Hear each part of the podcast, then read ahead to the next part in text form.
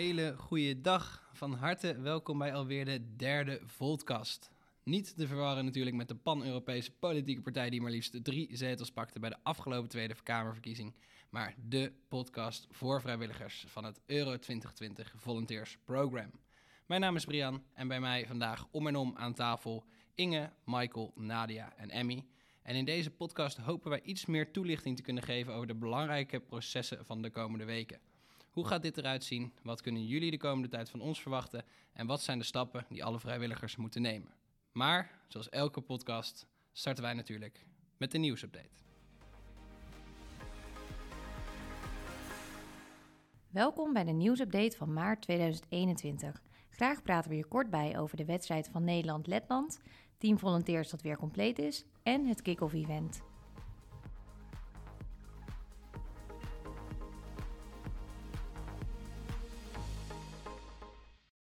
Er mogen maar liefst 5000 fans bij de WK-kwalificatiewedstrijd van Nederland-Letland aanwezig zijn op 27 maart. De wedstrijd wordt gespeeld in de Johan Cruijff Arena en is onderdeel van de Field Lab testevenementen. Daarnaast gaan er 22 Mobility Maker Infopoint volunteers hun eerste ervaring opdoen richting het EK.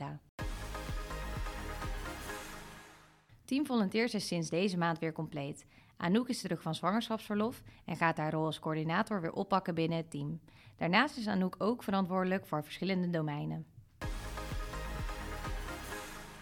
Ja, blok allemaal vrijdag 30 april in je agenda, want dan organiseren we de online kick-off.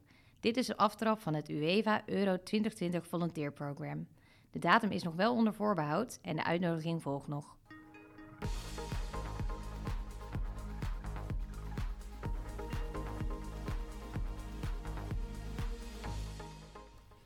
Vandaag willen we graag een kleine toelichting geven over het proces van de komende tijd. Want uiteraard leveren er wat vragen.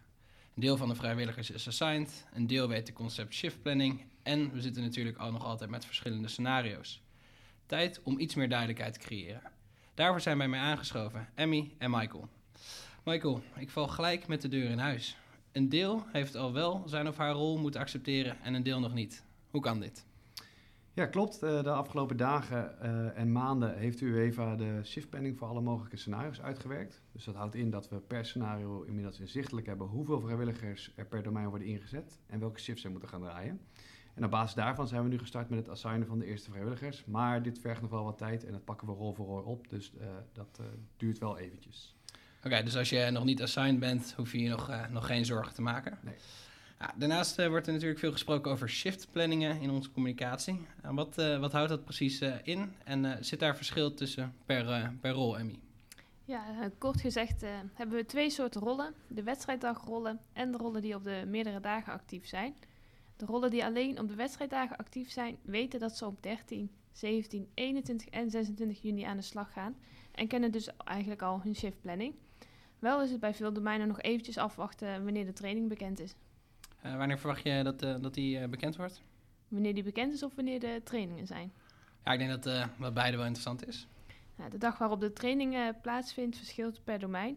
De domeinmanager gaat in overleg met de Event Training Assistant kijken voor een geschikte datum. Zodra die bekend is, communiceren ze dit weer met ons. Veel trainingen zullen plaatsvinden tussen eind mei en begin juni. Snel na het gekozen scenario kunnen wij de datums van de trainingen aan jullie bekendmaken. Oké, nou, dat is uh, specifiek over de, over de matchday-rollen. Uh, en dan de andere rollen, die, uh, ja, die verwachten natuurlijk wel een wat uitgebreider shiftplan. hoe, dat, hoe ziet dat er de komende tijd uit, Michael? ja, daar ligt nu vooral de focus op. ja, neem als voorbeeld accreditatie. Alle accreditatievrijwilligers die gaan minimaal 15 à 20 shifts aan de slag. En omdat ze hier mogelijk op werk of thuis rekening mee moeten houden, of misschien zelfs vrij voor moeten vragen, proberen we iedereen uiterlijk een maand voor hun eerste shift de shiftplan te sturen.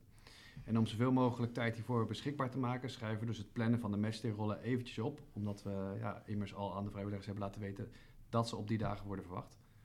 Oké, en in, uh, in hoeverre beïnvloedt de scenario-beslissing van de UEFA, uh, die, uh, die we april verwachten, deze shiftplannen?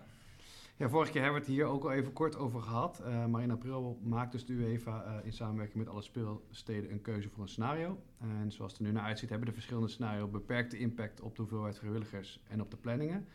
Sommige rollen zullen mogelijk iets worden afgeschaald bij een scenario met minder publiek, maar er komen soms ook weer nieuwe rollen beschikbaar om uh, eventuele extra maatregelen te handhaven. En omdat deze keuze pas in april gemaakt wordt, kunnen we alle vrijwilligers ook helaas pas tegen die tijd hier verder over informeren. Helemaal duidelijk. En Emmy, heel concreet, hoe zien de komende weken eruit voor de vrijwilligers op de rollen die jij begeleidt?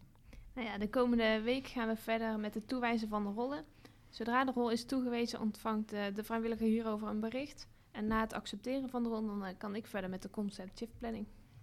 En Michael, bij jou eh, gaat er het eh, een en ander veranderen qua verantwoordelijkheden, want uh, jij bent nog maar aanspreekpunt voor één domein. Ja, klopt. Zoals in het nieuwsoverzicht ook al te horen was, is Anouk weer gestart. Dus het is fijn dat ze weer terug is. zij is onder andere aanspreekpunt voor accreditatie, event transport, cash management en nog veel verschillende extra domeinen. Ik blijf enkel aanspreekpunt voor het volunteer management domein. En je overige taken zitten erop? Ja, nu sluit ik eigenlijk de dag weer af en kom ik morgen niet meer terug. Nee, nee, er is natuurlijk nog genoeg te doen. We zijn onder andere in gesprek met de gemeente over gratis openbaar vervoer in Amsterdam voor alle vrijwilligers. Bezig met een operationeel plan voor de toernooiperiode. En met Emmy en Inge zijn we aan het kijken naar een inrichting van het volunteershome, wat natuurlijk ook volledig COVID-proof moet zijn. Ja, leuk. veel, veel nieuwe informatie weer, denk ik. Um, mocht je dit niet allemaal in één keer kunnen onthouden, geen probleem. We zullen alles in dit proces natuurlijk stap voor stap uitleggen en met jullie delen via de mail, via WhatsApp of op ons Facebook-kanaal. En je kan natuurlijk altijd vragen aan ons stellen via je desbetreffende domeinverantwoordelijke. Daarover gesproken, we hebben weer wat vragen binnengekregen.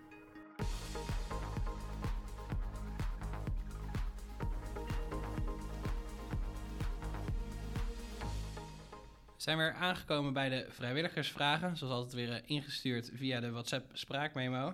En uh, we hebben een aantal vragen binnengekregen de afgelopen maand. En uh, die gaan we samen met Nadia proberen te beantwoorden. Dus uh, Nadia, wat voor vragen hebben we zo al gekregen? We hebben een aantal vragen binnengekregen, inderdaad. Onder andere over de save the date van de kick-off, maar ook over het aanmelden voor het EK voedsel en het inloggen in de portal. Oei, verschillende een variatie van mooie, mooie vragen. Ik ben benieuwd waar, waar ze allemaal mee komen en ik hoop dat we alles kunnen beantwoorden. Dus laten we naar de eerste vraag gaan. Ja, en die eerste vraag die is van Frank. Hij heeft een vraag over de online kick-off die we organiseren op 30 april. Hoi, dit is Frank. Ik uh, zag dat op Facebook uh, is gedeeld dat de kick-off georganiseerd wordt. Wordt er binnenkort al meer verteld over het programma, tijden en hoe dat allemaal uh, in zijn werk gaat dan online? Ik hoor het graag. Dankjewel Frank. Om uh, gelijk met je laatste vraag te beginnen, hoe werkt het allemaal online? Nou, we proberen het uh, zo makkelijk mogelijk te maken. Het enige wat je nodig hebt is een uh, goede internetverbinding en één device, het liefst met camera. Dus een laptop of een tablet of iets in, in die trant. En bij de officiële uitnodiging die we half april versturen, volgen verdere instructies voor deze mooie live show. Ja, en een mooie live show wordt het zeker. een van de onderdelen in het programma is bijvoorbeeld een Q&A. Nou, bij een Q&A horen natuurlijk bijzondere gasten. En die gasten gaan we binnenkort al aankondigen. Dus hou onze Facebookpagina goed in de gaten voor de eerste teaser over eh, de kick-off. Yes, ik ben uh, zeer benieuwd wat iedereen ervan vindt. De volgende vraag die we binnen hebben gekregen is uh, van Tessa. Hoi, ik ben Tessa en ik heb een vraagje over het voedsel. Want ik vroeg me namelijk af of jullie dat ook organiseren. En zo ja, of ik me dan ook bij jullie kan aanmelden daarvoor. Nou, wat leuk Tessa dat je enthousiast bent over het EK voedsel volgend jaar. Uh, wij houden ons momenteel echt alleen bezig met Euro 2020. Dus er is een ander projectteam bezig met de voorbereidingen van het EK voedsel. Uh, als je je wil aanmelden als vrijwilliger, kan je dat het best doen via de link in onze laatste nieuwsbrief. Uh, om op die manier vrijwilliger te worden bij het grootste EK voedsel ooit. Ja, en um, wat ik van onze collega's begreep is dat je al wel snel moet zijn, in ieder geval als legacy volunteer, zoals zij dat noemen. Uh, daarvoor kan je je aanmelden tot 1 april.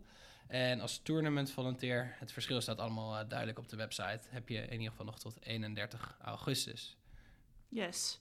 Dan zijn we ook meteen aangekomen bij de laatste vraag. En deze vraag gaat over het inloggen in de portal. Hoi, mijn naam is Tom en ik heb een vraag. Uh, ik had wel problemen met het inloggen in de portal. Mijn rol is toegewezen, maar ik zie deze na het inloggen niet staan. Hebben jullie enig idee hoe dat kan? Deze vraag hebben we inderdaad een eh, paar keer al gehad. En het is vanuit de ICT bij UEFA niet bij iedereen goed gegaan in de applicant portal.